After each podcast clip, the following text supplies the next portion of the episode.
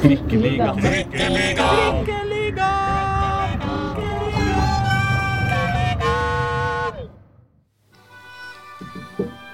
Mine damer og herrer og andre, velkommen til Trikkeligaen sesong 4, episode 47 Det er kanskje ekstrasending, ass. Og den deprimerte musikken Håkon Thon spiller i bakgrunnen, det er for å sette stemninga. Dette blir Havarikommisjonens første møte. Jeg heter Aslak Borgersrud. Sammen med meg har jeg Håkon Thon. Hallo. Vi har Reidar Solli. God dag, god dag. Og jeg har til og med Jørn Skjerpe. Hallo, Lenge hallo. siden sist eh, du har vært innom. Ja, absolutt. Men eh, du har jo eh, vært med å dekke Vålerenga i år, og nå er vi altså ca. 12 Nei, ja, si 16 timer etter at det ble avgjort at Vålerenga rykka ned. Eh, Og vi har bestemt oss for at eh, dette det, det, det kan vi ikke her, her kan ikke bare alt være som normalt. Nå må vi eh, på jobb. Vi må se på Hvorfor Vålerenga har rykka ned? Hva er det som har skjedd i 2023 som har ført til katastrofen? Hva eh, går an å si om framtida? Hva Det er så mye vi må snakke om, og da bare rett og slett innkaller vi til, eh, til eh, første, det første møtet. Ja, og vi har jo egentlig eh, tenkt Vi har jo gått grundig til verks her, føler jeg. For vi har jo tatt med Jørn på bakgrunn av at han var på Marbella. Så vi skal jo liksom helt tilbake til starten av denne sesongen, og så får vi bare jobbe oss framover, kanskje. da. Ja, vi, vi, vi må det. Eh, jeg har lagd eh, meg en liten liste over eh, potensielle forklaringer, eller delforklaringer. Det har kanskje du også, Reidar? Det også. Og så har jeg finregna på poengsnittet til de tre trenerne som Vålerenga har hatt denne sesongen her. Oh, ja. Som har vel da har på sett og vis et felles ansvar for at dette gikk helt gærent. ja. Men jeg må si, kan jeg si én ting? Bare litt sånn Som ikke har noe med Havarikommisjonen for så vidt å gjøre, men bare sånn eh, Den følelsen man har i dag Altså Vi sitter her nå dagen etter nedrykket.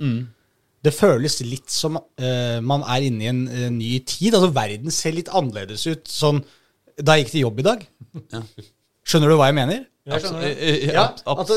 Idet du går og tenker på at Vålerenga spiller i uh, førstedivisjon, eller Obos-ligaen om du vil, så, så liksom det er et eller annet eh, Enten man liker det eller ikke liker det, liksom, det, er, det er en stor forandring i verden, på en måte. Selv om det jo skjer større ting der ute, så, så er det noe med at eh, sånn, på, i vår lille sfære så, så er det en svær greie. Men på en måte ikke også. Nei, for det var dårlig vær i dag også. Jo, ja, jo, men altså, jeg mener, vi, har, vi er jo i den objektive situasjonen at Vålerenga er nå på delt andreplass over uh, Oslos fremste herrelag, på en måte.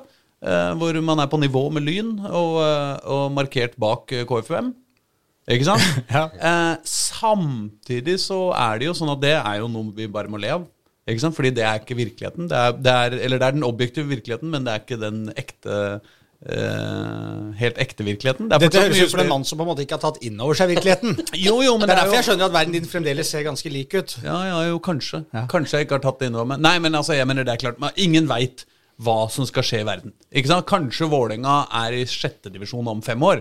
Eh, ikke sant? Det, det er fullt mulig å se for seg, men samtidig så er Vålerenga et lag som har betraktelig mer interesse enn de andre laga. Der uh, man har sin egen stadion i motsetning til de andre laga. Man har uh, mer sponsorer, man har mer fans, man har mer eh, Ikke sant? Eh, mye som gjør at, at liksom og, og, pluss at alle lag rykker ned iblant. Men de hadde, de hadde også mer interesse, en større arena og alt dette du nevner nå, enn f.eks.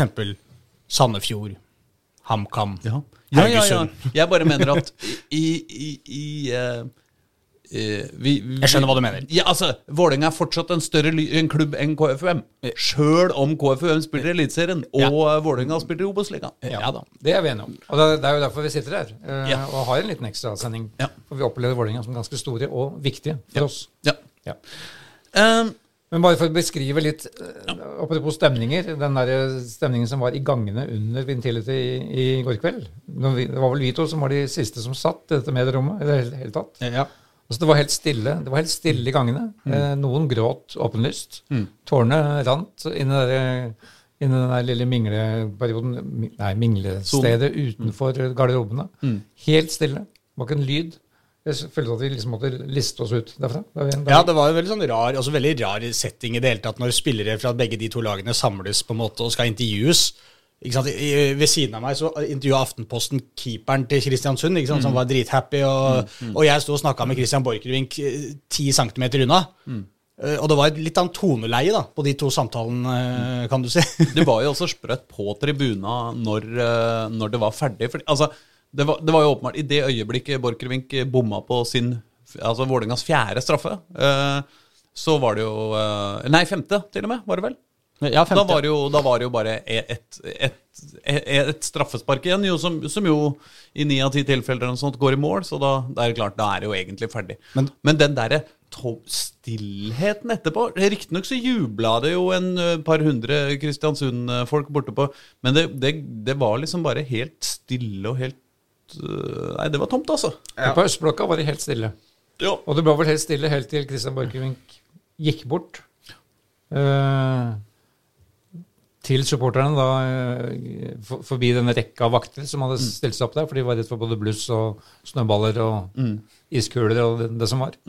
Men det var en, ja, det var en sånn uh, snodig stillhet, og det, de ropene fra motsatt side nådde jo ikke over banen, virka det som. i det. Var jo uh, Borchgrevink og Sjøeng uh, som gikk bort først, og det var jo de to som på en måte hadde gjort hver sin store feil i, i kampen. Nå ser jeg at Borchgrevink i alle medier omtrent blir omtalt som syndebukk. Eh, Dette syns jeg er helt meningsløst. For det første en misforståelse av ordet syndebukk, som jo betyr en som uf, ufortjent får skylda. Uh, Ja, men Det er vel derfor det er Eh, riktig. Det er vel veldig sjelden syndebukk er riktig, men akkurat her så er det jo nesten det. Fordi skylda legges jo på Christian Men den gjør jo ikke det. Det er jo, Jo, men- ingen Ja, Hvem jo, har blir skyldt på Christian Borchgrevink? Nei, nei, ing, det er det, men ingen har, nei, men det er jo han som står igjen som syndebukken likevel. Hvis du skal peke på en, på en måte. Så ble det jo det til slutt. Men det er jo ikke hans skyld noe som helst. Jeg vil nesten si det omvendt. Helt konkret er det jo han som sparka den eh, dårlige straffa som ikke gikk i mål. Ja. Men, så han er skyld i det, men han burde ikke være Men, men, han, men det er jo ingen som synd, det er jo ingen som vil legge dette på han. Det er jo Men eh, det, men det sto vel også i de sakene hvor han ble nevnt som syndebukk. Ja da, ja. At, at, at Ja dette, var, dette var på ingen måte noen syndebukk. Ja. Men det var tilfeldigvis han som måtte ta det siste ja, jeg tror alle egentlig er enige om det, men, men jeg skjønner hva du mener. Fordi eh, Christian Morkring er jo på en måte synderen her. På en måte, Han, han bommer på straffesparket, Ja. men han hadde ikke Men kan det er ikke han som er, ja, nei, det er ikke han som skal ha skylda for det. Ja. Ja. Og, og det samme med Sjøeng. Uh, ikke sant? Han, uh, han uh, krasja med Oldrup i, eh, på 2-0. Eh, noe som gjorde at eh, Kristiansund fikk åpent mål eh, på eh, det avgjørende sparket.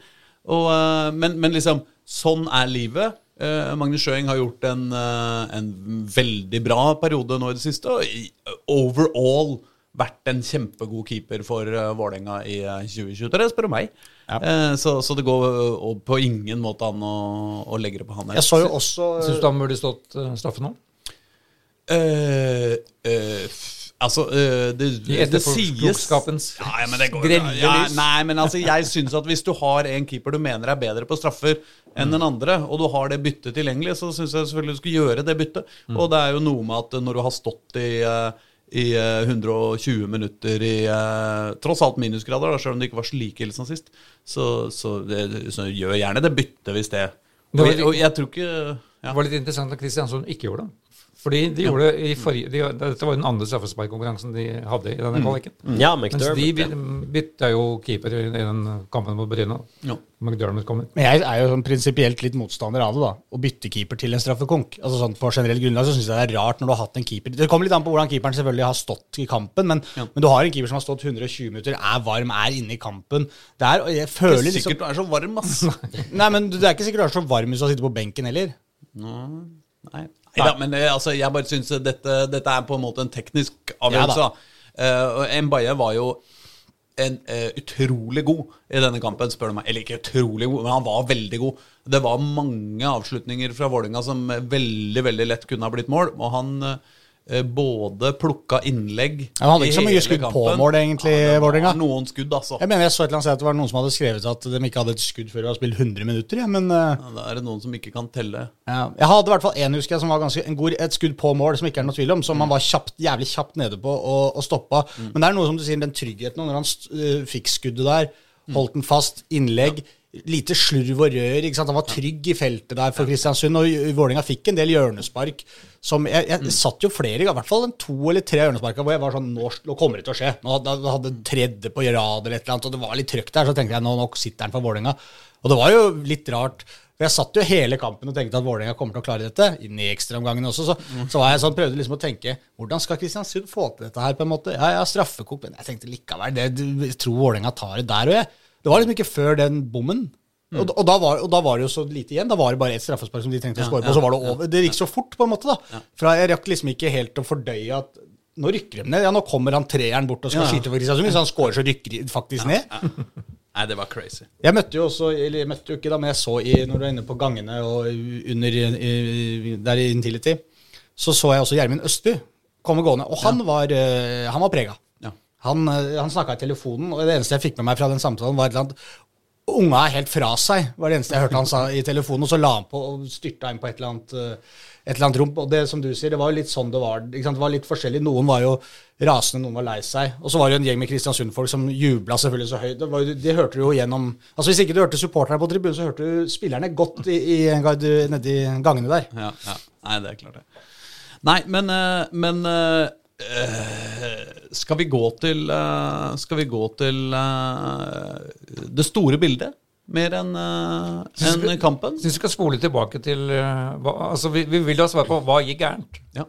Hva det, skjedde? Det er det vi vil ha svar på. Ja, ja for én ting er jo hva som gikk gærent i denne kampen. Det er jo på en måte mindre interessant. Ja, det, det, det, er jo liksom den der reisen som skulle vært avverga så lenge Altså, reisen skulle vært over for lenge siden, på en måte. Det skulle jo vært sikra plass.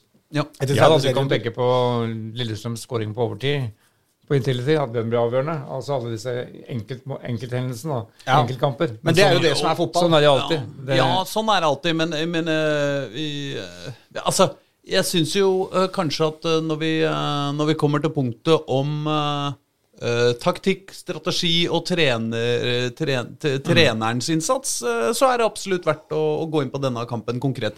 Men, uh, men, la oss gå helt tilbake, da. Men kanskje vi skal, kanskje vi skal ja, Sånn som du tenkte at vi kjører det kronologisk, drar tilbake i tid, og så kan mm. vi kanskje ende opp til slutt med å snakke om den kampen ja, som var i går. Hvis vi skal se det virkelig store bildet, så kan vi spole tilbake til preseason 2021, der 2021, du. Aslak Borgersrud proklamerte at i år blir det gull til Vålerenga. Mm. Og så kan vi trekke linja fram til i dag. Ja. Eh, det sa jeg ikke før denne sesongen. Nei, det gjør det ikke. Eh, jeg husker ikke hva jeg spådde, men jeg husker at vi etter at preseason 2023 eh, var godt i gang, så tror, igjen jeg husker at jeg vurderte at dette kunne bli nedrykk. Ja, altså, vi... Fordi det var en fryktelig preseason! Ja. Det, det må det være lov å si. Og da må vi tilbake til hva dere så på Marbella i februar. ja, eh, jeg og Pål Karstensen var jo i Marbella der. Eh, vi var jo året før eh, på Algarvekysten i Portugal med Vålerenga i Atlantic Cup. Eh, og, og, det var en, eh, i hvert fall etter mitt syn, enorm kontrast fra eh, Algarve til Marbella. Oh, ja. Og det var jo Altså, i Algarve så var det jo Osame Sarawi og eh, Odin Tiago Holm i virkelig toppform. Mm. Det var Ja. Den utgaven av Odin for eksempel, så vi jo ikke i, i år, men han briljerte jo virkelig i, i, Portugal. Mens i eh, Marbella i år så så jo Som jeg og Pål begge har snakka om i, i poden tidligere, at uh, her er det noe som ikke Det ser ikke bra ut. Nei, det gjorde ikke det. Og det var jo Stefan Strandberg, det mye omtalte intervjuet med, med, oss og senere TV 2 om samme tema. Eh, at her, eh, her, var det løfter som ikke var blitt holdt, og altfor ung stall og ikke riktig sammensetning. Og, ja. Mm. Det var mye, mye forskjellig. Mm. Og det var jo en grusomt tung match mot Malmö i Marbella der 0-3 kunne jo fort blitt mer enn det. Så ble det Ja, det ble seier mot Moss men det var Men det var også bare sånn så vidt, ja. var det ikke det? Nei, det ble vel 2-0, men det var en veldig tung det, burde, ja, det var en veldig tung kamp. Mm. Så inntrykket vi, vi satt igjen med etter preseason, var jo at her, her, er det noe som ikke er som det skal være. Og Fagermo, daværende trener, Fagermo sa jo òg at uh, han var bekymra. Var det ikke også i uh, forbindelse med den treningsleiren at vi hadde den der Lajoni-skandalen? Jo. Eh, hvor eh, eh, Amor Lajoni eh, reiste til Sverige for å, for å få et barn. Eh, mm, og, eh, men samtidig bare skrudde av telefonen og stakk, og eh, noe som førte til en kjempekonflikt mellom han og, og Fagermo. I hvert fall. eh, Og eh, hele, hele apparatet. Det var vel omtrent det siste vi så til Amor Lajoni. ja, han var vel tilbake på trening i, i sommer noen dager før han ble solgt videre, men uh, Ja, det var vel tre dager på trening, og Ja. så, og så var det vel Hekken ja, neste. så var det over. Kan jeg, skal jeg si eh, eller Da vi satt på det tidspunktet her av sesongen, da, så skulle jo vi lage et tabelltips også. Og jeg, tror, ikke- jeg, jeg fant igjen tabelltipset vårt nå. Ja. Eh, men eh, jeg mener å huske at vi satt i poden omtrent samtidig og sa at eh, det var litt sånn hvis alt klaffer for Vålerenga, så, så kan det bli ok i år, liksom. Eh, for spillematerialet er jo brukbart, sånn på papiret. Men vi sa vel også rett ut at hvis alt går gærent, så kan de faktisk rykke ned. Ja, vi sa det. Ja, jeg tror vi faktisk satt og sa det. Vi har ikke skrevet det faktisk i denne her, da, men skal jeg lese det vi skrev eh, altså før denne sesongen her? Ja, bare hvis det er smart. Da. Hvis det er innmari dumt, så Eh, ja, vi, har, vi tippa dem på en åttendeplass, da. Ja, ja, det, det er ikke så gærent. Nei, på en måte. Jeg tror kanskje noen ønska å si at de, at de trodde de rykka ned, men de turte egentlig ikke å si det. Ja, det, for vi snakket, jeg tror, men det er det jeg mener. Jeg tror vi snakka om det i denne poden. Ja. Da vi innleda sesongen, at uh, her må man være litt forsiktig. på en måte, altså Dette kan gå skikkelig gærent. da. Vi, hvis alt, men da, vi var jo også sånn Ja, ja. Men da skal virkelig alt gå gærent òg, da. på en måte. Men det vi da skrev, er sjelden har det vært vanskeligere å spå hvor Vålerenga ender. Både trener Dag Eilif Fagermo og kaptein Stefan Strandberg har uttrykt bekymring for styrken på troppen, og vi deler den bekymringen. Men hvis en rekke av talentene i Asdalen, eksempelvis Jakob Dikko Eng, Sidi Jatta og Odin Tiago Holm, får full klaff og ikke varierer i prestasjonene, samtidig som erfarne brikker som Stefan Strandberg, Henrik Bjørdal og Vegard Egen Hedenstad unngår skader, da kan åttendeplass plutselig se veldig dumt ut når vi skriver desember. Hvis unggutta derimot ikke slår til, samtidig som Strandberg og co. pådrar seg skader, kan fasit bli lavere enn åttende. VIF må i hvert fall gjøre alt for å unngå fjorårets marerittstart. Hvis ikke kan det fort bygge seg opp en ekstra mye frustrasjon i og rundt klubben. Det var ikke så dumt. Nei, for eh, den starten var jo ikke så god, og det ble frustrerende, dette her. Altså de, start, ja, de, de start, de starter ganske kontrollert. da. De, de vant 1-0-serieåpningen Ja. borte mot, mot Ålesund. Men ingen visste jo hvor dårlig Ålesund var da. Nei, nei, det visste vi jo selvfølgelig ikke. Uh, men det er jo også da seks mann fra den startelveren som, eh, som ikke starta, var med i går. da. Ja. Eller de var med, men de starta ikke. Ja, og Så- du hører du jo når, eh, når Håkon nevnte ikke sant, De tre spillerne som måtte klaffe hvis Ja. det skulle gå bra for Vålerenga, alle de tre er ute. Ja. Så den, fra den kampen så var altså Sota, Hedenstad, Heggheim, Thiago Holm, Børven og Dick Weng. De starta alle den kamp, første kampen i Ålesund. Ja. For nøyaktig hva blir det, 8 måneder siden? 10. april. 10. april seriestart. Før nedrykket 10. desember. Men den kampen mot Ålesund der også var jo eh, eh, på en måte, når man ser tilbake på det nå, eh, egentlig eh, bare en kamp som var egentlig helt lik slik den ville sett ut ja, i dag, da. Ja, altså, ja, de, de slår Ålesund 1-0. Det- På det tidspunktet så visste man jo ikke. Ålesund var jo liksom Ja, kanskje de får De klarte berga seg jo greit sesongen før.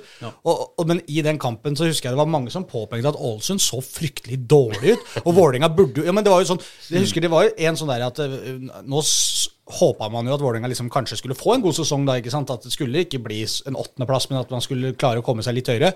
Og da var man litt Jeg husker vi jeg tror vi var litt sånn her burde Vålerenga avgjort denne kampen mye tidligere, og så fikk han der Atanga et skudd i stolpen til slutt der. Og det var litt sånn der, at det plutselig holdt på å bli poengtap likevel i den første kampen. Så til tross for seier i åpningsmatchen, så var det likevel sånn eh, Det var ikke noe sånn kjempeoptimisme rundt det. Det var mer sånn OK, vi kom i gang, og det var bra, liksom. Ja, ja, ja. Og så gikk det, jo, gikk det jo fort nedover.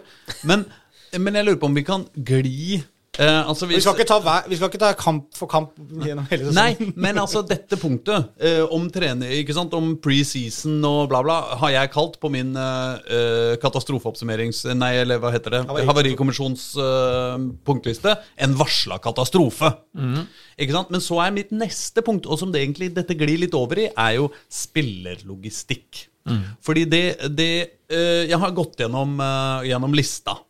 Og før altså vintersesongen, eh, eller vinterpausa, så hadde vi følgende eh, hadde Vålerenga følgende overgangsvindu. Inn Aron Kiel Olsen, Omar Bolli, Storevik, Ofker, Haakons og Heggheim. Eh, så, så det er jo på en måte ikke Det er jo, det er jo flere spillere som, som, spiller, noen som ikke gjør det. Men du kan si Aron, Ofker og Haakons er jo på en måte vært nokså sentrale, i hvert fall. da. Mens ut så hadde du Henrik Udal, Jonathan Tollås Nation, Tobias Christensen, Osame Sarawi, Amor Lajoni og Brynjar Bjarnason. Så du har jo på en måte fem eh, eh, eliteserieprofiler ut, da og tre eh, får spille ikke hver kamp, men innimellom inn. Ikke sant? Og så hadde du eh, i sommer så hadde du da et, et vindu hvor, hvor Vålerenga henter inn Bitri, Elias Hagen, Kreutzli-Rigler og Ilic. Altså eh, to spillere som får spille, og to som ikke får spille. Mens ut så har du da Odin Tiago Holm, Siddi Jatta, Leonard Sota, Jonas Abdelawi og da nevnte Heggheim som, som, kom inn. Så i begge disse vinduene er det dramatisk mye bedre fotballspillere, i hvert fall sånn eh, i, i Vålinga da, som forsvinner ut, enn som kommer inn i klubben. Det, Sett i ettertid, ja.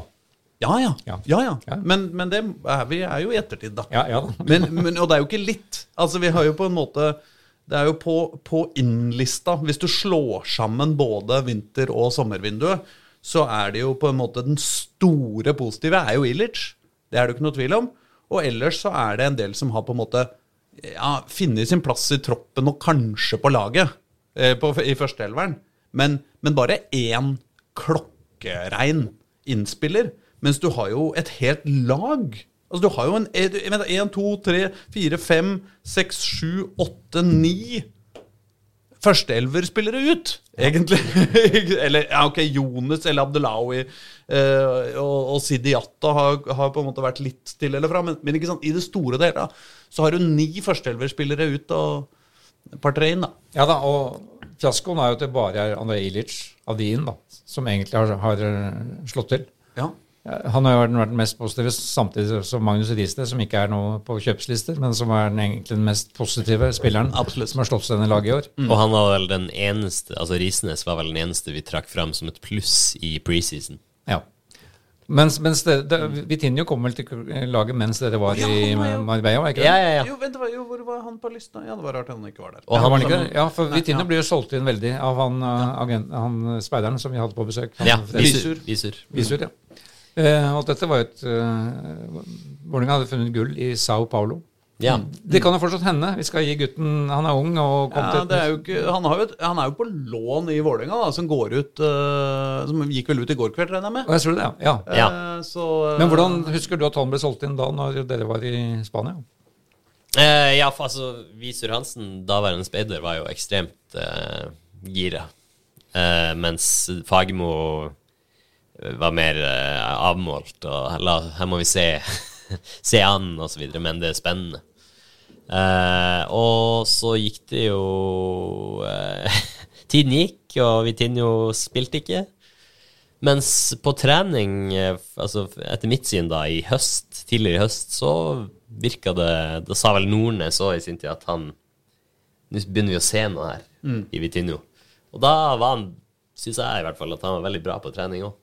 Han har jo spilt noen andre lagskamper hvor han har vært uh, god også. Men... Ja, ja. Så det er et eller annet der. Det er jo åpenbart. Men uh, om det blir Han var vel for, for meg da, litt, litt symbolet på alt de har skaffa inn, fått inn som, som ikke har slått til.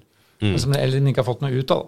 Ja, men det som også er med disse signeringene her altså jeg, Det overgangsvinduet som du snakker om her, med Aron Kiel Olsen, Omar mm. Bolli mm. eh, Hvem andre var det? Storevik, Ofker, Håkans, Heggheim. Ja. Er på lån, da. Ja, men vi satt men, jo Men eh, da burde kanskje Vitinho vært uh, på den lista hvis han kom i vinter. Jeg skjønner ikke hvorfor jeg bomma på den. Typen. Ja, da, men jeg, jeg, jeg, tenker at liksom, jeg, jeg satt jo her og altså, Jeg var jo litt sur i forrige innspilling på at ikke de klarte å bruke Aron Kiel Olsen ja. litt tidligere, litt mer. Uh, det har vi jo prata om hele sesongen nå. Snakka med folk i andre Oslo-klubber også. Nesten hver eneste gang så har jeg spurt folk hva syns dere liksom om at han ikke spiller i Vålerenga. Mm. Og folk rister på huet og skjønner ikke noe av det. Og det er det som er, Dette er jo ikke, dette er jo ikke dårlige fotballspillere, men det er som dere sier, de, de, får jo ingenting ut av dem. Og, og, For å få noe ut av dem, så må du prøve å spille med dem. Og de har jo alt for, altså En del av dem har med Ofkir og Haakons og sånn, mm. er de har vært ok. Og de, de, de har ikke fått uh, maks ut av dem heller, føler jeg. Uh, men, men, sånn uh, Hvor lite de da bruker altså De spillerne de henter inn, virker som at det, Ja, de er gode på papiret, men det, Dag Eile Fagermo hadde ingen interesse av å bruke Omar Bolli eller Aron Kiel Olsen. Virka som han satt der og ikke hadde lyst på dem. Ja. Og at han bare fikk dem servert. Og så ja, gjør noe med dem. Vi har spilt på andre lag, og så får vi, hvis de er helt outstanding på det andre laget, så kanskje liksom Det virka liksom det var uh, Det virka helt håpløst for dem å få noe spilletid. Så eh, det er jo Én ting er jo på en måte spillerne isolert sett, om de er gode eller dårlige. Det syns jeg liksom er vanskelig. At, at Ofkir skal være så mye dårligere enn f.eks. Amor Lajoni. Liksom, Nja, han skal vel ikke det, men, men hvem er det som styrer dette her? Det er det som jeg syns virker så rart, med at de henter inn noen spillere som virker som, de, som det sportslige delen ikke vil ha, mens styre og stell syns dette er fine spillere som man kan bygge profiler av. Men da, kan jeg høre bare, fordi da har jeg litt lyst til at vi skal gli over til mitt tredje punkt på lista. Ja. eh, som heter eh, eh, klubbdrift, trøym og trøym og styringa. ja. Men da må Men jeg må gå og tisse! Kan du holde på din Ja, men da må Først i mellomtida, mens jeg går og tisser. Eller skal dere snakke mens jeg tisser? Ja, det går fint. For Jeg vil bare si litt mer om Omar Bulli. Gå og tiss, du. For Vi snakka vel det om da i den eh, i poden i vår, om at, da han kom, at dette var, var egentlig markedsavdelingen i Vålerenga som ville ha, som ville ha han inn Ja. istedenfor det sportslige. Ja. Men så spilte han jo bra for annetlaget, og det var jo, han fikk en alvorlig skade i en annetlagskamp som gjorde at han, han da forsvant ut. Ja, ja. Eh, og jeg snakket, husker jeg snakka med Fagermo om som sa at han hadde jo masse tekniske ferdigheter og var en spennende, men veldig uferdig spiller. Og som ikke var i nærheten av å holde 90 minutter. Det var liksom hans analyse av Omar Bulli. Ja, og at han, ja, som du sier, han, Fagmo sa jo at, gjentatte ganger at, han, at Bulli var milevis unna det fysiske Ja.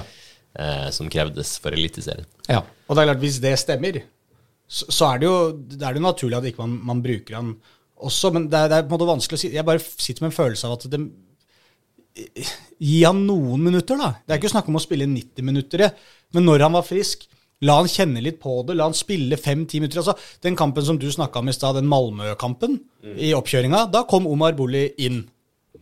Og, og da skjedde det noe. Dette har vi jo snakka om i sikkert eh, 70% av sesongens podkaster, for Bolli kommer ofte opp. Men eh, da Vålerenga sto og døtta ballen sidelengs i minutt etter minutt uten at det skjedde noen ting, så mister de ballen på et eller annet tidspunkt, og så kjører Malmö et angrep, og så blir det trøkk og farlig og, og masse kok. Og det skjedde jo i mange seriekamper òg. Når Bolli kom inn, så dro han av en mann. Det var forskjellen. Han, han snubla datt, og kanskje mista han til slutt, men det skjedde i hvert fall noe. noe bevegelse rundt han kom, fordi at det blir ubalanse og disse tingene her. Det var ikke mange minuttene han fikk da mot Malmö, men alle de matchene som jeg har vært inne på før òg, hvor Vålerenga har ligget kanskje under med ett eller to, og du trenger at noe skjer. Det, det ser helt fastkjørt ut. At man da eh, tenker sånn Ja, ha med Bolli på benken, da. Og så spiller han fem minutter på slutten. For det at Vålerenga trenger en scoring, så kan han finne på noe. Og Ja det er det som er litt sånn Jeg snakker ikke om at han skulle liksom vært en bærebjelke på dette laget her. fordi eh, selvfølgelig han i toppslag og, alt det, og i fysisk form, selvfølgelig kunne han vært det da, men hvis han ikke er det, da kunne han jo heller spilt en slags sånn jokerrolle, da. Og det syns jeg ikke at de, har- de har ikke brukt det til noe Altså Kreuzrigler som kom, altså, Vi, vi snakka om denne overgangsvinduet. Ilic overskygger jo alt de henta. Beatry som klarerer baller i alle retninger og er helt bajas bak der. Altså, noen ganger så er det dritkult, mens andre ganger så er det helt vilt og ukontrollert. Og, og Kreuzriger har ikke spilt Har han spilt et minutt, liksom? Han har jo omtrent ikke vært på banen. Så Ja, det, er den X-faktoren så- som du sier, som, som Bully har, men som, som egentlig mange andre også burde i hvert fall hatt i, i små doser. Og det, det er det som har skjedd med Vålerenga. Vi har ikke fått de der eh, litt ekstraordinære prestasjonene noen gang. Nei. Som, som Geir Bakke sa en gang her tidligere i høst, og i den verste motgangsperioden. Dette er toppidrett. Og så noen ganger leverer man det optimale. Altså et skudd i krysset fra 30 meter, et fenomenalt innlegg og en eh, fenomenal avslutning. Det skjer jo nesten aldri med Vålerenga i år. Nei, jeg, jeg, jeg hørte Borchgrevink i en eller annen podkast også som prata om dette her nå inn i disse kvalikkampene. At, uh, hvor han var litt ærlig og sa at uh, vi, liksom, vi havna på et eller annet sted uh, hvor vi ikke var helt sikre på om vi skulle Skal vi prøve å spille oss til seire, eller skal vi forsvare oss til seire, på en måte? For de skulle jo utgangspunktet spille seg til poengene. Ikke sant? Det var jo inngangen til Dag Eile Fagermo, naturlig nok. Det var sånn han ville gjøre det. Det- Vålerenga skulle ha ballen, og de skulle dominere, og de skulle vinne på det. Så har jo Vålerenga havna i en sånn limbo hvor de på en måte Litt sånn innad i kamper også. Så, så bare disse to kampene mot Kristiansund sier jo egentlig alt. De dominerte, herja i Kristiansund. Og så skulle de prøve å forsvare det litt på Intility, og da bare falt det sammen. Og Det er litt sånn de har vært i enkeltkamper hvor man kan ha starta bra og avslutta dårlig. Og det har vært sånn egentlig gjennom hele sesongen. De... Samtidig så er det verdt å huske at i de kampene som har vært øh, vanskelige, og de har gått dit med utgangspunkt om at nå skal vi parkere bussen. Dette her er Her har vi ikke Altså Borte mot Molde, borte mot Viking, ikke sant? hvor på en måte har eh, Og også i hvert fall en av de Glimt-kampene syns jeg har på en måte vært litt sånn også. Hvor man på en måte har bestemt seg for at her, her kan vi nok ikke regne med å få med noe, men vi prøver å få et poeng. Mm. Og så har de greid det ganske bra. Spilt ganske overbevisende, men uh, mot uh, KBK ikke så mye. Men jeg lurer på om vi kan gå tilbake da, til Da kan vi gå til lista di til lista mi, som altså heter på en måte arbeidsmiljø, trøym Eller nei, ikke arbeidsmiljø, men som heter trøym og styringa. Eh, fordi eh, i forbindelse i og rundt eh, Fagermos avgang så var det jo veldig mye snakk om uh, hvordan, uh, hvordan uh, Vålerengas rike onkel i, i London blanda seg. var det mye snakk om i, i detaljer i, i, i spillekjøp og salg. Hvordan han styrer alt på en måte egentlig litt i motsetning til hvordan, hvordan modellen er, sjøl om det kanskje Det er jo ikke godt å si hvor mye brudd det er helt direkte, så er det jo åpenbart at eh, sånn som den overgangen ble Den avgangen til Fagermo ble beskrevet, så er det altså Tuva spør Trøym om uh, hun kan få lov til å gjøre et eller annet som koster penger, og han svarer ja eller nei.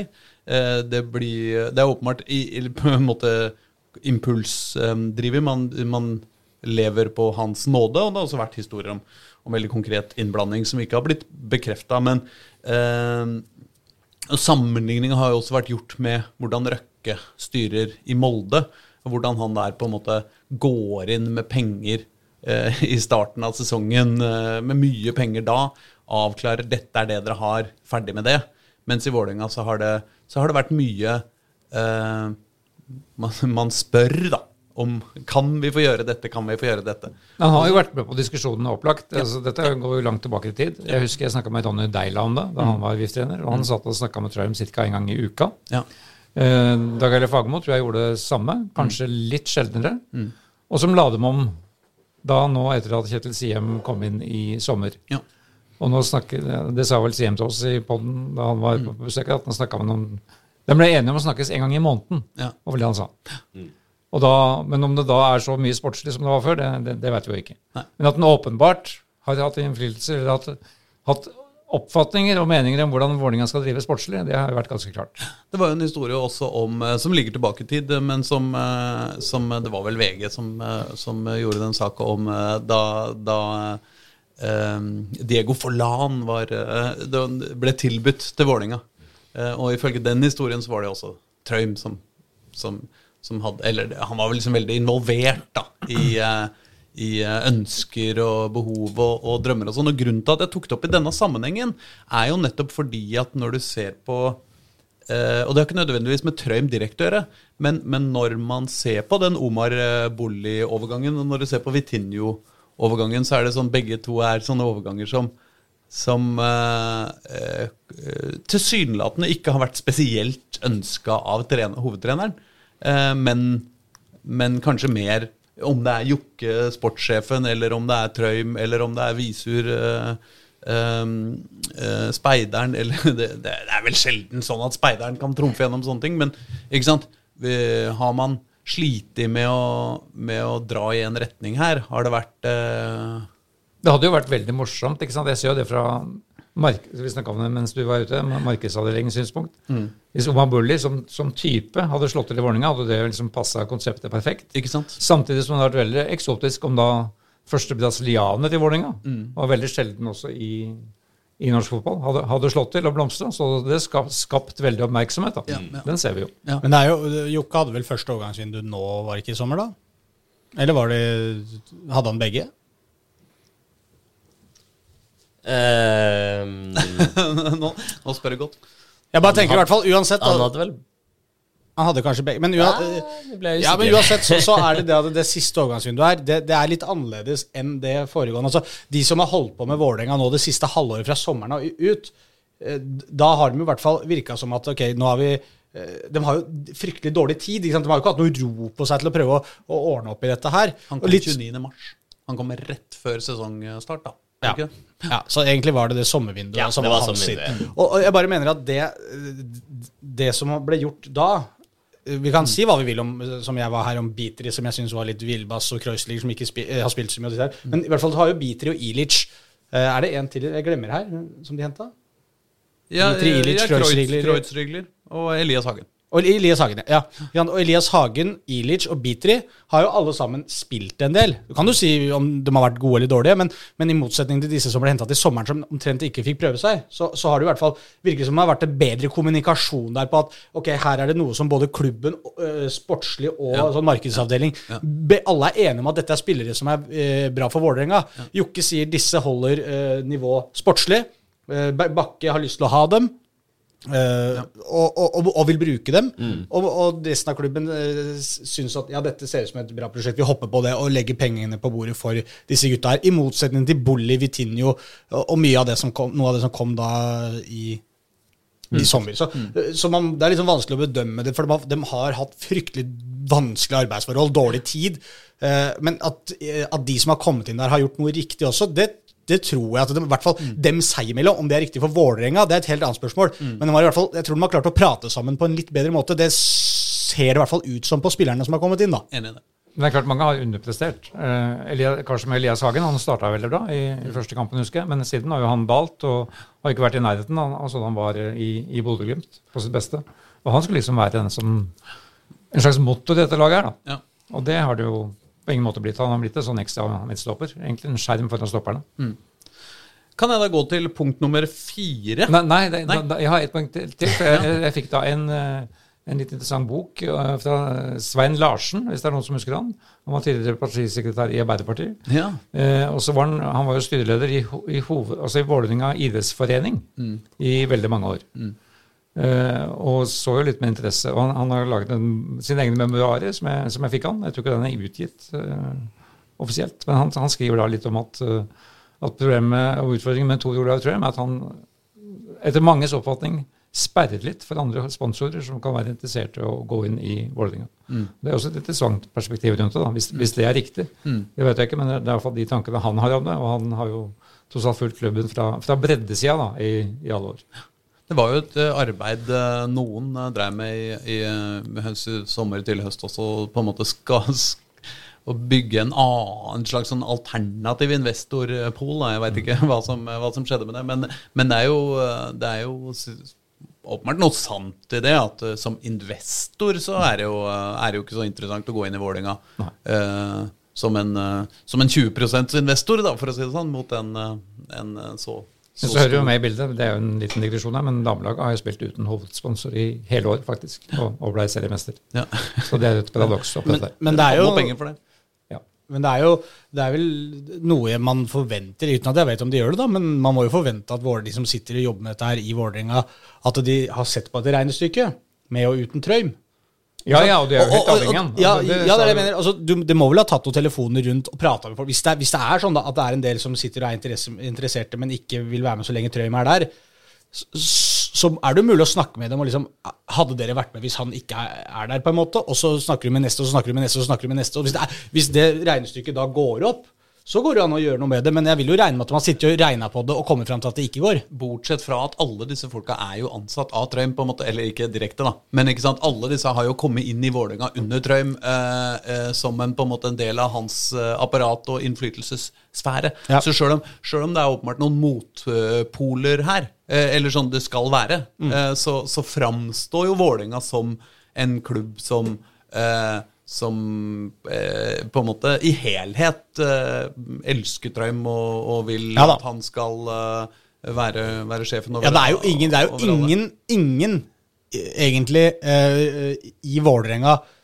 eh, Altså som i som jobber i Vålerenga, i ledelsen der, på en måte, Mm. som, som har gått ut og, og vært så mye som litt kritisk til, til noe av det Trøm egentlig har gjort. nei, Alle, alle, er jo, alle er jo på at han er ekstremt viktig. Uten han så hadde det ikke gått, osv., osv., osv. Ja, det er jo Det, det sier alle, i hvert fall mens de jobber der. Ja, det er det jeg mener, da. Ikke sant? Og det underbygger jo poenget ditt, egentlig. Ja. Men eh, for da neste punkt, som også blir en glidende overgang, for da er vi på arbeidsmiljø i Vålerenga. Altså, vi har jo vært gjennom et år hvor eh, Moa Dayani, Meran Ansari, Erik Espeseth og Fredrik Visur har eh, forsvunnet ut av klubben. Alle fire veldig eh, Det som ser ut som veldig viktige bidragsytere eh, i, i Vålerenga-systemet. Eh, og så har vi fått inn i isteden, holdt jeg på å si, eller i løpet av samme tida, Andreas Aalbu, Tom Erik Ruud eh, på markedssida og Kjetil Siem. Eh, og, og i forbindelse med Merans avgang Ja, så kommer jo Graff òg, da. Ja, og, og Graff, ja, selvfølgelig. Unnskyld. Han, han, kom, han kommer 1. januar. Ja da, så han har jo ikke Ja da, formelt det gjør vel eh, Ja. Uh, Espeseth forsvinner jo Verken Espeseth eller Meran forsvinner jo i prinsippet før 1. januar, eller, uh, tror jeg. Meran har gitt seg. Ja da, men han jobber Han er nå i fødselspermisjon, tror jeg. Ja, ok. Ja, jeg så han, han på over Men Andreas Aalbu har jo overtatt. Han Ja, har jo begynt, begynt jobben. Ja. Men, men uh, Ja, jeg så han vel på matchen nå. Jeg tror jeg så han på kampen mot eh, Kristiansund. Det vet ikke jeg. Eh, nei, men jeg tror det. Men I forbindelse med Merans avgang eh, så var det jo åpenbart eh, mye arbeidsmiljø-issues der. Eh, det kom, kom på en måte mye historier ut om at, om at Vålerenga ikke alltid har vært en spesielt god arbeidsplass for, eh, for eh, Hva heter det? De merkantilt ansatte. Eller, eller både sportslig og, og uh, markedssida, da, egentlig. Eh, og det har vært eh, i hvert fall ikke noe sånn entydig Det er ikke noe sånn derre Workplace of the Year-kåringer som, eh, som pokaler som står i kø, på en måte, i, i rommet der oppe. Og det kan jo være noe der også. Hva veit jeg? Nei, vi, vi hadde et interessant intervju med, her, med Moa, altså han fysikktreneren, Ja. som, som nå av alle steder havna i Ajax. eh, Som han frilanseren Frank Ove Hansen lagde for oss her for et par, par uker siden. Og, og han sa jo litt om dette her. Om at han, han merka det også blant spillerne. altså Han opp, oppfatta ikke at gløden var den samme. Det hadde skjedd, skjedde noe på eh, før, under og etter trening. altså Det var ikke like mange som ble stående igjen og drive med egentrening. det var ikke så mange, Han, han, han, han savna en eller annen vilje der, som han syntes var mer, mer synlig uh, året før. Og så er- kritiserte han også interessant nok manglende samarbeid mellom herre- og damelaget. Jeg vet ikke hvilken av det er mulig i praksis å, å, å få til, men jeg vet at i hekken så er det veldig tett. Ja. eh, hvor begge lagene har, har suksess. Mens eh, ifølge han så er det om ikke isfront, i hvert fall nærmest ingen kontakt mellom uh, Vålerenga damer og Vålerenga herrer. Jeg vet ikke om det hadde hatt noen særlig effekt, Ja, om men- de hadde hatt det, men uh, de har iallfall fått det til uh, andre steder. Snarere tvert imot så var det vel rett og slett sånn at eh, damelaget ble, ble kasta ut fra sidelinja på Vålerengas trening. De fikk ikke lov å sitte på benken, og, eller liksom, eh, det var veldig sånn Nå må dere De ble liksom kasta vekk før treningene. På Ja. et eller annet tidspunkt. Det var vel to år siden. Sånn. Elise Thorsens fortalte jo om det. Ja, Var ikke det vinter hun fortalte? Ja, jeg Nei, husker er ikke. Men eh, det var i hvert fall Ja. eh, Det, det framsto ikke så, så trivelig, Nei. eh, egentlig. Eh, uten at eh, jeg veit noe mer enn det. Men det er verdt å ha med også på lista over ting vi skal eh, se på eh, i løpet av uh, Havarikommisjonens arbeid. Ja da. Ja. Arbeidsmiljølov Nei, arbeidsmiljølov, sier jeg. Det, nei, det er jo litt med vet ikke om den kapteinsrollen sto på, på lista di, in- inkluderte det, for Stefan Stammer er jo en, del liksom av av um, personalbehandling her. Han skal jo, det, er jo, det er jo hans jobb å få, få medspillerne sine til å yte best mulig eh, på banen, og da har de også litt å si hvordan, han er, hvordan de har det utenfor banen. Nå vet ikke jeg hvordan det har fungert, for jeg hører at han har en kraftfull og visstnok positiv stemme internt i garderoben, men på banen har det jo sett ut for oss utenforstående at, han, at det virker ganske aggressivt mellom han og enkeltspillere innimellom. Ja. Og så er det noen som sier at det er en del av fotballen, og slik bør det være. Noen, noen blir bedre av å skjelt, bli skjelt ut, noen tåler det ikke. Folk er forskjellige. Men det har vi dessverre ikke fått snakke med han om i det hele tatt. Så Det blir bare høyttenkning. Men jeg vil tro at det, det er en del av en evaluering som må foretas der. Ja, ja absolutt. Og uh, nå har jo Stefan fått utrolig mye tyn uh, denne sesongen. Uh, ikke minst fordi han eh, jo har blitt foretrekket på landslaget framfor mange andre eh, som på en måte hadde vært mer naturlig ut fra hvor de spiller og sånn. Eh, og så har han jo ikke nødvendigvis prestert så innmari godt eh, alltid, verken der eller på, i Vålerenga. Sjøl om jeg syns at i de fire siste Vålerenga-kampene, når det virkelig har brent på dass, så syns jeg Stefan har, har stått fram som en Og egentlig forsvarstrioen som helhet, men også Stefan spesielt, har stått fram og, og gjort veldig, veldig vært veldig, veldig bra. Ja, jeg, jeg syns mye av kritikken mot han har vært urettferdig på det, på det sportslige. Det toppa seg jo nesten i går. Det så jo et kort sekund ut til at han skulle bli matchvinner i går. Da Ja. det var, hadde rota seg inn i straffefeltet til Kristiansund. Men, samtidig så har det kommet kritikk også fordi han, han da ikke sant, har, har unngått media. Uh, og nå etter uh, Det er jo Det er ikke til å komme unna at det er spesielt at når laget har rykka ned Du har en kaptein som er det, en av de eldste spillerne på laget, en av de best lønna spillerne på laget, landslagsspiller, og eh, og, og bare går vekk uten å, uten å bli intervjua etter kampen, etter nedrykkskampen, når de andre spillerne står og, står og gjør det. Og jeg aner jo ikke hva som foregår i Stefan Strandbergs liv. Uh, og det kan være gode grunner eller eh, dårlige grunner, eller hva veit jeg. Men det er ikke bra. Det er ikke bra. Og, da, og hvis det skulle være andre grunner, så er det ikke så vanskelig å gifte seg kapteinsbindet, hvis hvis det må til. Det, nei, Men det jeg er- mener at ja. jeg mener, når sesongen er over og fasit er lagt, så må kapteinen stille opp og svare. Ja. Det ble jo sagt uh, i det intervjuet jeg nevnte fra preseason, at um, fra Stefans side da, at denne uh, kvaliken med landslaget blir fort karrieredefinerende for min del. Ja. Så gikk jo det som, uh, som det gikk, så jeg vet ikke så om det har gått inn på han veldig, det ja, Men det er jo klart at sesongen 2023 i hvert fall en veldig veldig sentral brikke i Vålerenga, både av og på banen, er Stefan Strandberg. Helt fra Marbella, hvor han eh, går, til, uh, går til krig og skjeller ut klubben og mener det ikke er bra nok, uh, gjennom sesongen hvor Forsvaret i store deler av sesongen har vært en av de store, en store problemene til Vålerenga, enten det har vært tre eller to stoppere. Eh, og, eh, ikke sant? og, og, og fram til slutten nå, hvor, hvor, hvor de endelig fant en form på, eh, på stopperne. Men så får du det, det, det kapteinsgreiene. Og det har vært eh, mye både mobilisering og kjefting eh, fra Stefan Strandberg. Så han er jo på en måte litt sånn historien om dette laget. Det eneste, det eneste vi, kan, vi, vi på utsida kan måle Stefan Strandberg på, er jo det han har gjort på banen. For vi er ikke i garderoben og er ikke i gangene der liksom, i det Nei, men Vi er jo i intervjusituasjonene, da. Ja, da, vi kan men, se men, hvordan han ja, men vi er ikke en medspiller. ikke sant? Vi er ikke en som sitter i garderoben og hører på han og står på Nei banen og hører på han. De gangene jeg har snakka med han, så har han vært helt ålreit. Han snakket snakka siste gang til oss etter, Ja, ja. etter tapet i Sarpsborg. Det er vel nå et par måneder siden, kanskje. Ja. Og så snakka jeg med han lenge tidligere i høst om uh, helt andre ting, og da, da var han jo vel, veldig positiv. Han er jo en trivelig fyr å snakke med. når først- Kjempe når han til først- framstår veldig kult. Først nå snakker med han, Men det er klart, som, du- som du sier, hvis dette året er karrieredefinerende han, Hans store drøm er å komme til et mesterskap med Norge, som ikke har skjedd på 23 år. Tilfeldigvis akkurat like lenge siden Vålerenga har rykka ned. Og han opplever da Ja, han opplever da at Norge skal se på fotball-EM på TV, og han skal spille i Obos-ligaen. Ja. Men uh, som, som kaptein så må det, altså det er ikke noe det er ikke noe verdenskatastrofe. Så som en fotballkaptein så må man kunne klare å snakke om det, Men, jeg. Ja, men, men det jeg mener er at vi har sett han sportslig, han er helt grei sportslig. Det er ikke Ja, ja. det som er problemet med eh, Hvis det er noe problem med, med Stefan Strandberg, så er det jo det at det åpenbare som vi alle andre også ser på banen, den, all den kjeftinga hele tida. Ikke sant? Og, og når skal man klappe noen på skuldra, når skal man kjefte på noen? Dette er jo en av trenernes? Det er jo det som gjør en, skiller en god trener fra en dårlig trener veldig ofte. Hvordan du behandler spillerne dine, hvilke spillere tåler hva, osv. Og Det er jo til en viss grad også rollen til en kaptein. og Det, det virker litt som han kanskje har bomma litt der på hva som skal altså, Når du har stått og kjefta i tre, fire, fem, seks måneder, og det fortsatt ikke skjer noe, så kanskje man skal prøve å legge om den stilen litt. Grann. Jeg vet ikke om det er mulig. Så står jo trenere og alle andre rundt og sier at han er så viktig og han er så dyktig og klar i talen og, og disse tingene her. Det, for meg så er jeg, vet, jeg, mist, jeg bare får sånn følelse av at er de helt ærlige med seg selv nå?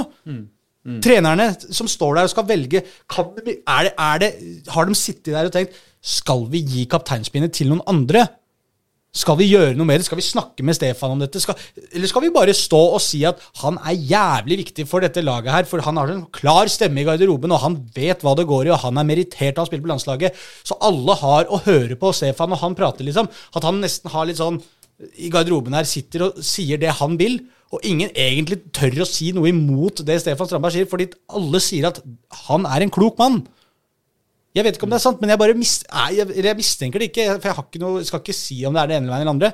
Men jeg bare er sånn Har de vært liksom helt ærlige med seg selv, trenerne og de i Vålerenga? Jeg føler at han Du gjør greia di, Stefan, for vi stoler på deg.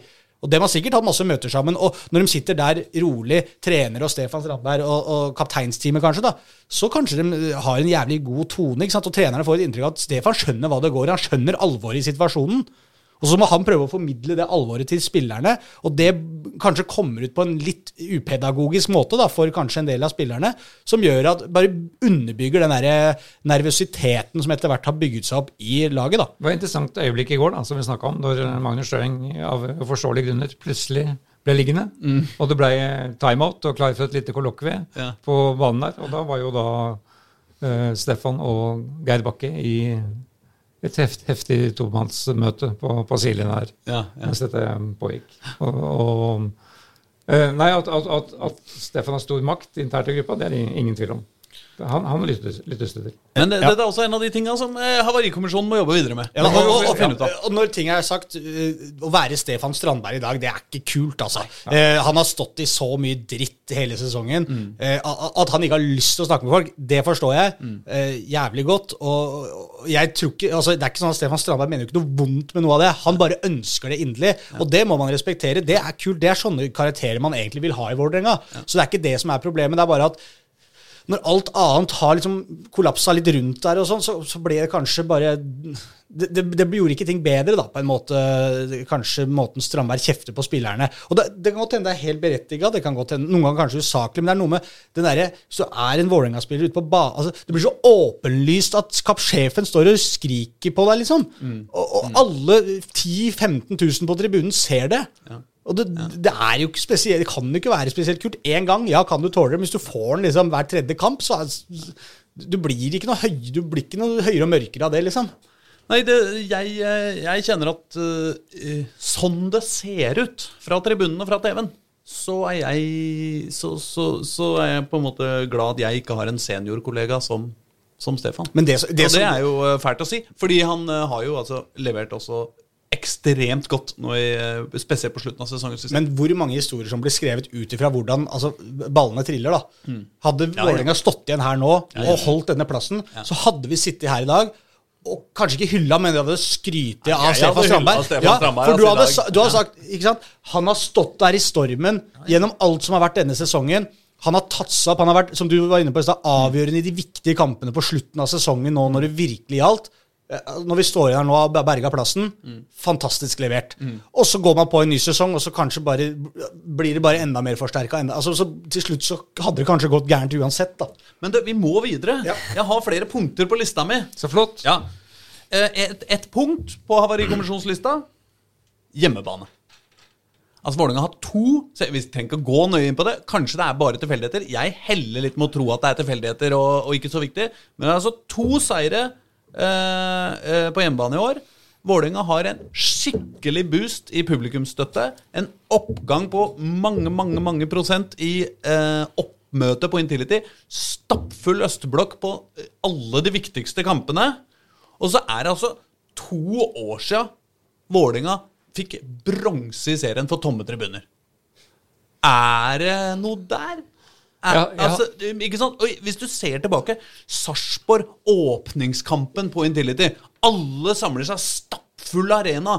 Nå, liksom! Så får de det drittlaget Sarpsborg i åpningskampen, og så grisetaper de. De taper ved store anledninger. De taper når det er masse folk. Hva er i veien med det? Det er et godt spørsmål. Jeg, jeg hadde en arbeidstittel på en kommentar som ennå ikke er skrevet. Om akkurat det. Ja. Intility, Vålerengas forbannelse. For det har, jo, det har det jo faktisk vært. Ja, Men ikke, ikke under eh, Altså, i, i koronasesongen var jo Vålerenga var jo Intility forte. Det de tapte jo ikke en kamp i den sesongen, eller Men, hvordan da- var det? men da var det ikke folk der. Nei, nei, det Men, det er det. men den Det er folk, folka Fordi i, mener i, Intility. I tillegg til den åpningskampen mot Sarpsborg, i, i åpningskampen, så to uker senere, så var det også semifinale i cupen mot Sarpsborg. Selvfølgelig tap igjen på Intility. Men den, eh, den matchen der eh, Osame Sarawi storspilte mot Lillestrøm på Intility, der VIF vant, da var det fullt eh, hus. Hvilken sesong var det? Var det 22 eller 21? Det er ingen som husker.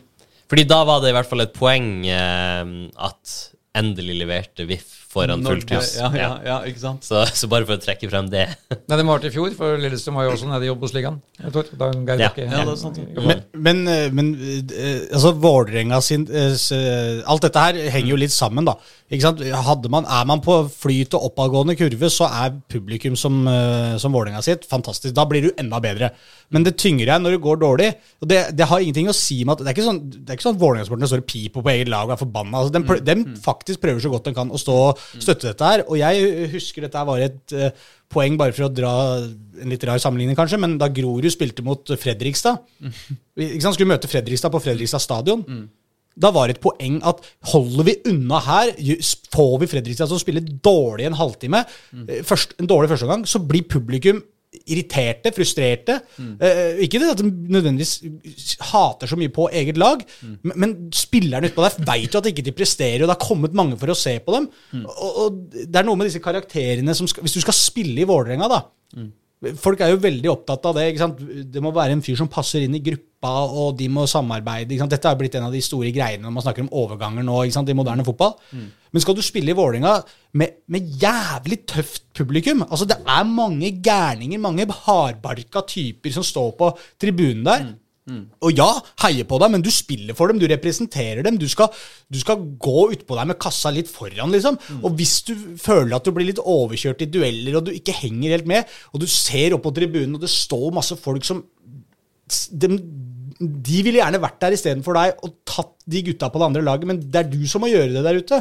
Det kan bli litt sånn tyngende, det der presset der, altså fra, fra fra Vålerenga-supporterne, uten at Vålerenga-supporterne prøver det på noe vis. ikke sant? Det er utro, de er jo sånn i den kampen her også, de kjører på. Det er heia Vålerenga, for å si det litt sånn enkelt, hele matchen gjennom. Det er ikke noe sånn faen i helvete, kom igjen, ta dere sammen og sånn. Altså, det er sikkert noe enkeltstemmer på tribunen og sånn, det er det jo naturlig nok. Men altså sånn store kampbildet er jo at de får støtten hele veien. Og når vi da kommer til straffekonken, og jeg sitter og tenker at det må være en fordel for Vålerenga å skyte den veien straffekonken endte opp, at jeg i det hele tatt tenkte tanken at det kan være en fordel å ikke skyte mot egne supportere, som for alle lag i alle tider har vært en fordel å skyte mot sitt eget publikum, så sitter jeg og føler at jeg tror det var bra jeg at Vålerenga fikk skyte mot den tomme tribunen der borte.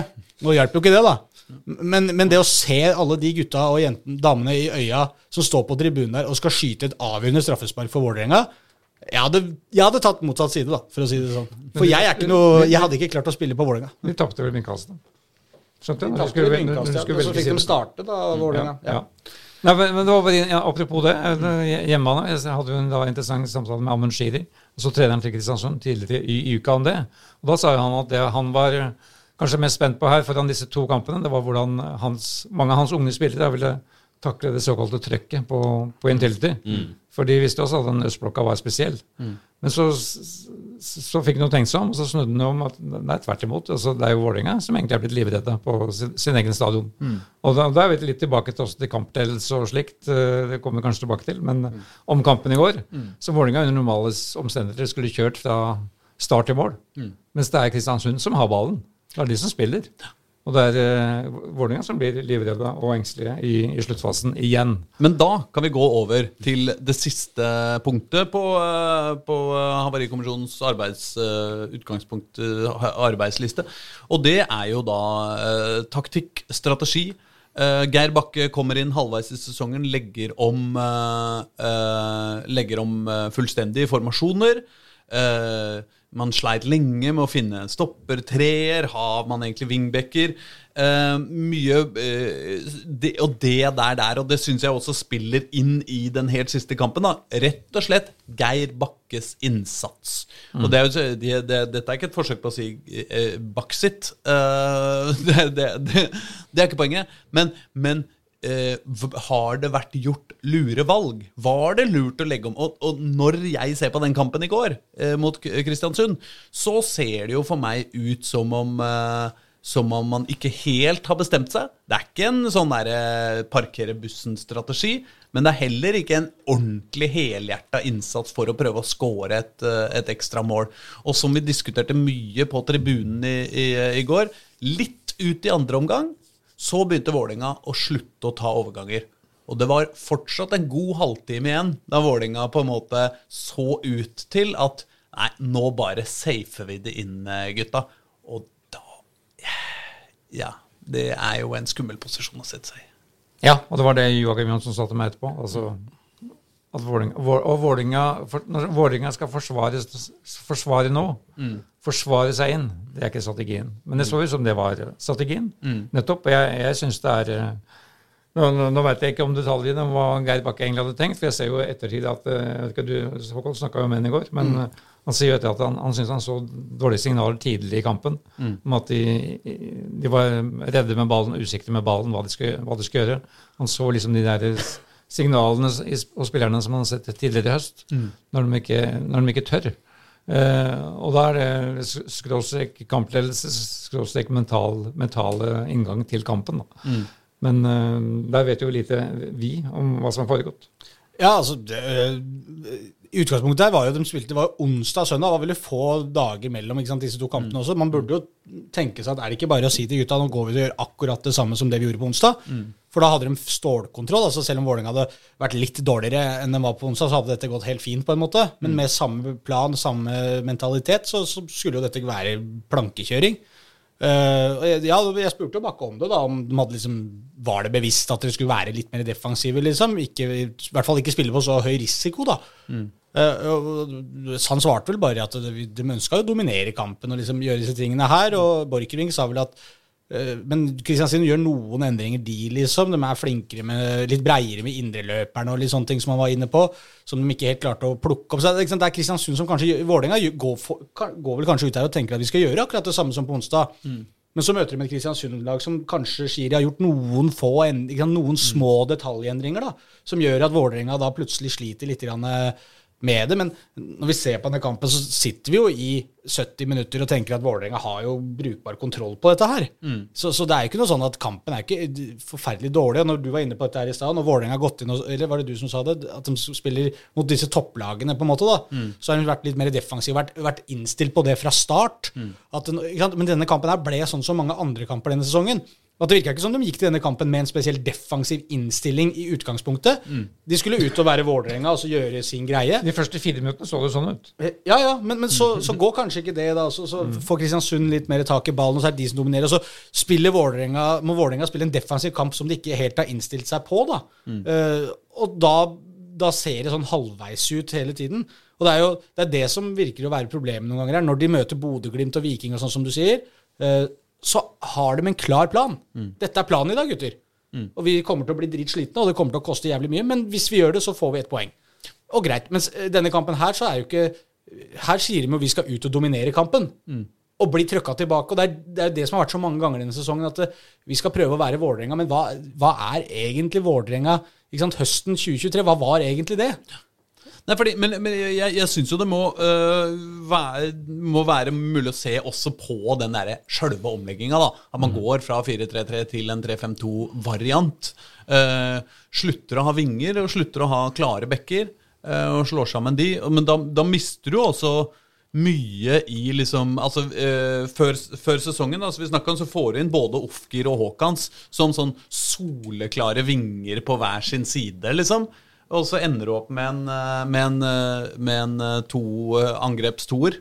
Uh, hvor, uh, hvor den ene, ene rollen er Ilic og er veldig soleklar, mens den andre er kanskje litt mer mm. Ser i hvert fall er litt mer vanskeligere å få tak på. da Og så, og så får du jo da en, angre, nei, en, en, en stoppertreer som, som jo da bare fester seg helt på slutten og på en måte ser ut til å begynne å fungere først da, og, og fram til da har vært uh, ganske kaotisk. Eh, og det eneste som egentlig er likt, er den der midtbane midtbanetreeren, da, som er litt sånn litt ja, det, er, er en defensiv og to indreløpere, og, og sånn fortsetter å være. Jeg er jo litt sånn fotballfaglig usikker på hvor mye disse informasjonene har å si. Men det er klart det er en stor endring å, å spille med tre mann bak istedenfor ja. fire. Ja. Uh, og jeg er jo grunnleggende skeptisk til det. Og jeg er også gammeldags i tenkningen der. Og mm. jeg er jo jeg mener jo også at 4-3-3 er det såkalt ideelle, ideelle oppsettet. Så, så, jeg har aldri skjønt begrunnelsen hvorfor, hvorfor de la om i, i Vålerenga. Og så da i ettertid kan man jo sikkert peke på det som er en av årsakene. Men, men for, for, ofte har de sett ut som en, at det er fem-seks mann i det forsvaret bak der. Når, når de har blitt, det er sånn det har sett ut i Molde og i Stavanger, mm. egentlig.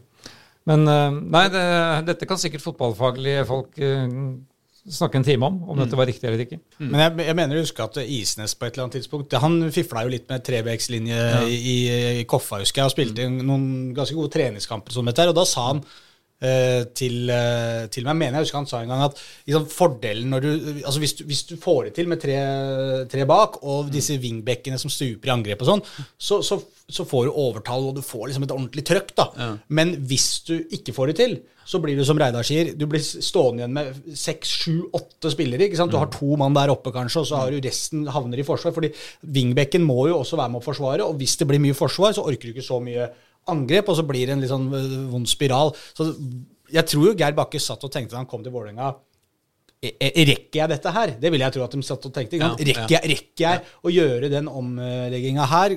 Kommer jeg til å få spillere til å fungere i det? Og så tenker han vel ja, det, jeg, jeg, tror det skal gå, på en måte. Altså, vi, mm. jeg prøver.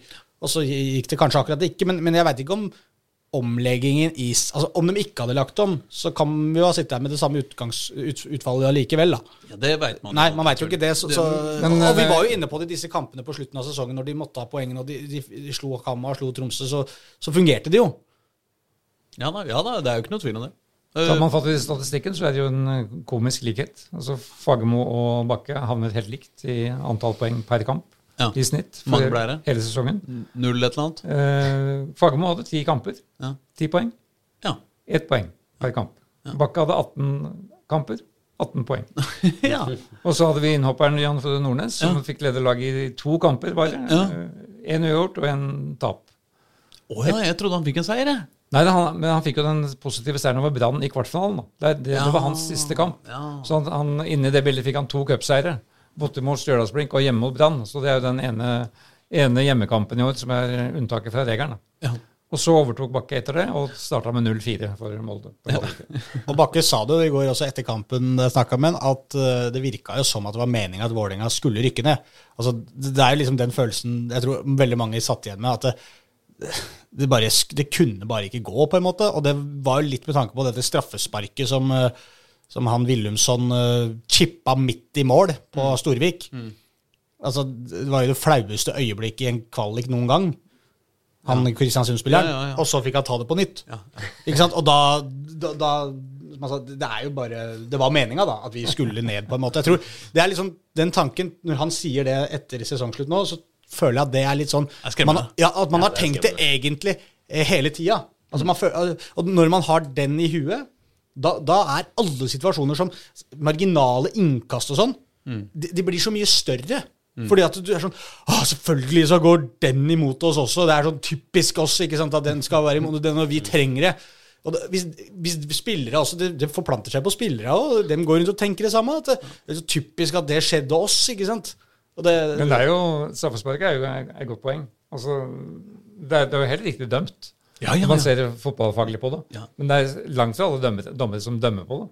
Ja. Så man bare har vel latt det passere. Ja, Men det er ikke noe å si på det. Han er nei, nei, nei. 70 cm ut Men det, føles, det, det som er så irriterende ved det, da At det er så det, dårlig straffe! Ja, det er at han har null fortjeneste av å hoppe ut fra streken. Ja. For han skyter jo midt i mål! Han ja. bare stå helt stille, så, så, hadde det gått fint. Det. Ja. Altså det er klart at Hvis du redder et uh, skudd som går helt ute ved stanga Da har du en fordel av det. Da har du juksa. Ja, ikke sant? Men her var det jo ikke juks. Han, det, var, det føltes jo mer ut som det var KBK-spilleren som ble tatt i juks. Det her er som, det her er som innsidehandelen til Sindre Finnes. Altså Han har juksa så mye som helst, men han får jo ikke noe ut av det. Uh, bare for ordens skyld, det er ikke det at jeg mener at Sindre Finnes har gjort innsidehandel. Altså, det, det ville vært det ville vært en beskyldning om Men det var, det var mer en slags vits. Ja. Jeg håper at uh, Sindre Finnes advokater kan akseptere, akseptere det. Vi får se. Vi får se. I hvert fall aksepterer vi det. Ja, det, er, det er en begynnelse. Men dere, eh, vi har vært gjennom eh, seks mulige forklaringspunkter på uh, Vålerengas havari. Eh, og og uh, det er jo også all grunn til å se framover, men jeg lurer på om vi kanskje skal utsette det til uh, neste gang vi møtes i dette studioet. Vi må jo se på spillerstall. vi må se på mulige avganger og innganger, holdt jeg på å si. Hvem, eh, hvem kommer til å stikke? Hvem tror vi skal stikke? Hvem må stikke? Hvem må Vålerenga selge? Dette kommer vi tilbake til i, i neste uke, for nå skjer det mye dag for dag framover. Allerede tirsdag så er det styremøte både i aksjeselskapet og i, i Sport, Mm. som det heter. Eh, der kommer det til, til å skje ting. Mm. Det ligger fast at, eh, at laget skal på treningsleir til Tenerife i januar og i Marbella i, i februar. Men det ble ikke all inclusive lenger, da. Neppe. Det ligger fast at seriestart i Obos-ligaen er samtidig som Eliteserien, altså 1. april 2024. Eh, jeg har spurt NFF om når terminoppsettet kommer, for vi har jo en- ennå ikke snakka om eh, duellen Vålerenga-Lyn, som vi da får to ganger neste år. For ikke å snakke om stadionduellen Vålerenga-Koffa. Nemlig. Hvis det, hvis det blir aktuelt. Bør Lyn Vålerenga spille på Ullevål stadion, f.eks.? Det er jo en, del av diskusjonen. Det er veldig mye å, å ta fatt i her. Og dette kommer dag for dag, steg for steg. Ja, Det er også en av de tinga vi eh, regner med at du og jeg gleder oss til, eh, Håkon. Spesielt da, er jo eh, å se på ungdommen i, i Vålerenga og hvem vi nå Altså, Det er jo fordelen med å spille i Obos. Åpenbart. Da, altså, Hvis ikke Omar Bolli får spille i, i, i Obos, liksom, da, da er det bare dritt i. Og det er mange eh, spillere i Vålerenga som vi gleder oss til å se i Obos. Ja, ja. Det blir jo gøy. Og så må vi også selvfølgelig snakke om alt det vi ikke har snakka om. Det Ja. er serieoppsettet for 2. og 3. divisjon som, som ligger der, med fantastiske trikkeligaer eh, rett på bordet. Rullet ut foran oss. Det blir jo knapt uh, noe vits å kjøre buss engang i uh, Oslo-fotballen i, uh, i 2024. Kan vi helt på tampen kjapt hver og en bare konkludere med hva, hva Havarikommisjonen har kommet opp med? Hva er Å, kan ikke vi ikke det? Nei. Jeg, jeg har lyst til at vi skal grave i dette i løpet av vinteren. Ja, men hva man føler nå, liksom? intervjue- Og så Havarikommisjoner er jo til for å bruke lang tid. Ja, ja, ja. Vi må ikke være biased nå. Nå skal ikke vi komme til uh, med en klar uh, idé om hva som må Men vi kommer jo aldri til å komme til noe klart svar likevel. Med mindre vi finner den black box, da. Som har alle svarene, selvfølgelig. Men det hadde vært litt deilig egentlig hvis vi fant en sånn boks som bare der lå alle svarene på Vålerengas problemer. Var dette som gjorde at det- det krasjlanda, på en måte? Vi må se om vi greier å, å, eh, å dra inn i studio her eh, i løpet av uh, tida framover. Og se om vi greier å få noe bedre svar. Ja, det er egentlig greit, for jeg har ikke noen god konklusjon på dette. Kan heller. ikke vi si det sånn, da? Men du som, du som liker å se inn i krystallkula helt til sist, Aslak. Blir det direkte opprykk neste år på Vålerenga? Sånn som du føler det her og nå, dagen derpå? Så hva mener du med direkte opprykk? Ja, Eh, Ja, så eh, direkte opprykk? blir det topp to? Kristiansund ble nummer fire Ja, ja. Og gikk opp. Top, opp. blir, det, blir det topp to og klar, klart opprykk for VIF? Festfotball i Obos. Du kan få slippe unna med 'blir det opprykk?' spørsmålstegn. Altså, det er jo Er du så langt nede at du ikke engang kan svare ja på det? Altså, det jeg er redd for, er at alle problemene bare forsterker seg. Og eh, ikke sant? drømmen er nå ikke sant? at eh, hvis det er noen brønnpisser inne i klubben, så stikker dem. Alle golddiggers uh, forsvinner. Nå skal det bare være hjerte og sjela igjen. Man? Og så skal man bygge opp derfra. Ikke sant? Rykke rett opp igjen. Vinne Eliteserien 2025. Hele den pakka. Men problemet er at alle de punktene vi har gått gjennom nå, da, de seks eh, forskjellige punktene, f.eks. læreren og sånt, hvem av dem er det som kommer til å løse seg før neste sesong? Hva er det her som kommer til å bli bedre? Altså Det eneste vi er sikre på før neste sesong, er at motstanden kommer til å være dårligere. Ikke sant? Men det er ikke sikkert at motstanden kommer til å være så mye dårligere enn KBK, liksom. Eh, Det er ikke sikkert at den kommer til å være så mye dårligere enn eh, alt det derre i ja, Sarpsborg og Gods og Sandefjord og sånn, som vi har tapt mot på Intility i år. Det er ikke Altså, det er Ja, så det er ikke så langt ned til Ranheim, Start, Sogndal, eh, Mjøndalen, Kongsvinger Fredrikstad Det er mye lag nedi der. Fredrikstad er i Eliteserien. Ja, det er sant. Stabæk. Stabæk, Stabæk. Ålesund. Ja. Men det er jo de, liksom noen av de store lagene som er nede der nå sammen med Vålerenga. Sånn Ålesund, for eksempel. Altså man tenker at de også skal vel skyte Ål- tilbake. Ålesund og Stabæk sitter jo akkurat som oss nå. Ja, men, ja, men, ikke sant, Ålesund, de har, men Stabæk også virker jo som det er litt sånn kaos akkurat nå. Og så har du Start der nede, som alle snakker om hver eneste sesong, men som bare er altså Snakk om at Våler, det er rør i Vålerenga, liksom. Så er det, det, er jo rørete. Det, er- det, er så- det er jo de klubbene som på en måte er Vålerengas største utfordrer, er på en måte ingen av de som heller føles ut som noe sånn derre Verken Ålesund, Stabæk, Start føles jo sånn Og de kommer til å bare peise på gjennom uh, Obos-ligaen. Nei, så- men det er mye X-faktor, da. I år uh, viste det seg at Obos var litt sånn uh, Var ikke verdens beste. Nei. Men uh, til neste år er det ikke godt å si.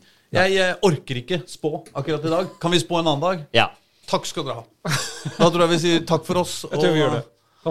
Havarikommisjonen del én. Første møte. Første møte. Avslutta. Ha det. Ha det. Ha det!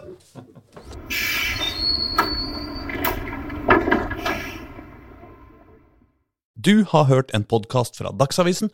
Ansvarlig redaktør heter Andreas Heen Haaland Karlsen.